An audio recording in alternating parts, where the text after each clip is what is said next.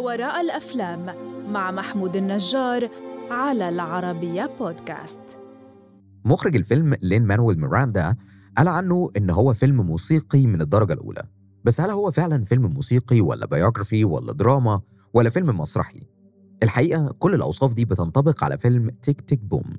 فأهلا بيك في حلقة جديدة من بودكاست وراء الأفلام والنهاردة هاخدك في رحلة مستحيل تنساها. رحلة فقدان الأمل بعد سنين عناء وفي النهاية العالم كله بيفتكرك.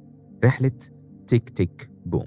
في البداية خليني أقول لك إن فيلم تيك تيك بوم مأخوذ عن قصة حقيقية عن المؤلف الموسيقي جوناثان لارسون وكان يا مكان وكنا في سنة 1992 وقتها بدأ جوناثان لارسون مونولوجه المنفرد الموسيقي تيك تيك بوم في ورشة مسرح نيويورك مع أصحابه روجر وكاريسا. في المسرحية بيوصف الدوشة اللي في دماغه وإيه اللي تعرض له. ومن هنا بتبدأ سرد القصة. بس دي ما كانتش البداية. البداية كانت سنة 1990 وقبل نجاح تيك تيك بوم ورنت كان في فشل ذريع وإحباطات أكتر وخسر ناس كتير. والحكاية بدأت في مطعم مون دانس داينر في سوهو. ده المكان اللي كان شغال فيه جوناثان. في نفس الوقت كان شغال على ورشة عمل لمشروع الموسيقي العاطفي سوبربيا وفي البداية هنشوف قد إيه هو مضغوط نفسيا. وعايز ينجح بأي شكل قبل ما يعدي 30 سنة. ولو مش عارف خليني أقول لك النظرة دي جاية منين. أغلب مخرجي المسرح بيصنعوا قصص نجاحهم قبل ال 30 على عكس مثلا إخراج الأفلام. أغلب المخرجين بيظهروا فيه بعد سن ال 50 برجوعنا لقصة جوناثان هنشوفه وهو بيصارع في كل لحظة. بيصارع علشان شغله الأساسي اللي هيسيبه بعد نجاح المسرحية وبيصارع مع حبيبته سوزن اللي بيجي لها عرض شغل بره المدينة ومع صاحبه اللي بيحاول يقنعه يستغل مهاراته في الكتابة علشان يزود دخله.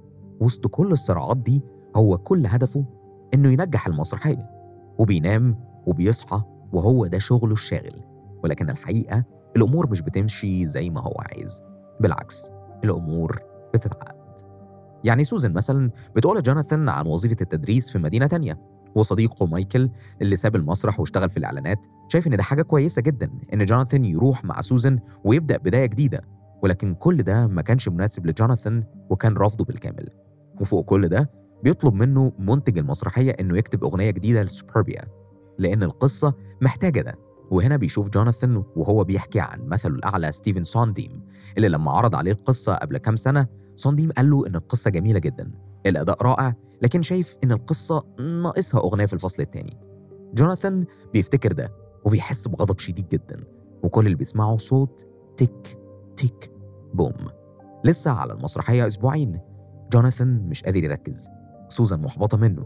بيبدأ يفكر في عرض مايكل. مخاوف جوناثان بتزيد لما يعرف إن صديقه كارولين إن فريدي المصاب بفيروس نقص المناعة البشرية اتنقل للمستشفى. وفي النهاية سوزان بتتعب من هوسه بالشغل وبتقرر تنفصل عنه. جوناثان بيحبط جدا وبيضطر إن هو يحضر ورشة كتابة علشان يجيب فلوس تغطي تكاليف المسرحية. في الوقت ده بيحاول صديقه مايكل يشاركه ظروف مرضه لكن جوناثان بيكون مشغول جدا فمش بيسمعه. مايكل بيكون حاسس بغضب من ناحية صديقه جوناثان لأنه شايف إنه بيتخلى عنه وبيتخلى عن كل حاجة في مقابل مسرحية مش مضمون هتنجح ولا لأ. في ظل الظروف دي وبعد ما وكيلة أعماله روزا دايما بتتجنبه جاله مكالمة من روزا بتطمنه وده بيشجعه يكتب الأغنية الجديدة في الليلة السابقة وبالفعل بينجح يكتبها رغم كل الضغط اللي كان حاسس بيه. وجه اليوم المنتظر وعملوا الورشة خلاص تسقيف كتير تهاني كتير وحاجات كتير كويسة لكن للأسف ما جاش ولا عرض إنتاج للمسرحية وهنا كانت نقطة التحول جوناثان بيكلم وكيل أعماله روزا وبيقول لها So, what am I supposed to do now? وقتها بتقول له You start writing the next one, and after you finish that one, you start on the next, and on, and on, and on. And that what is to be a writer, honey.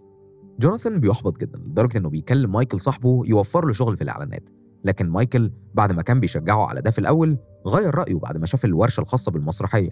وشجع جوناثان إنه يكمل في المسرحية لأنه فعلا موهوب. مش معنى إن المسرحية ما جاش ليها ولا منتج فده مش معناه إن هو فاشل. وفي نفس الوقت شاركوا مايكل عن تعبه. وفي اللحظة دي بيدرك جوناثان إن هوسه بالمسرحية كلفه كتير. خسر سوزن وأثر مع صديقه مايكل. في النهاية جوناثان بيحسن علاقته مع مايكل.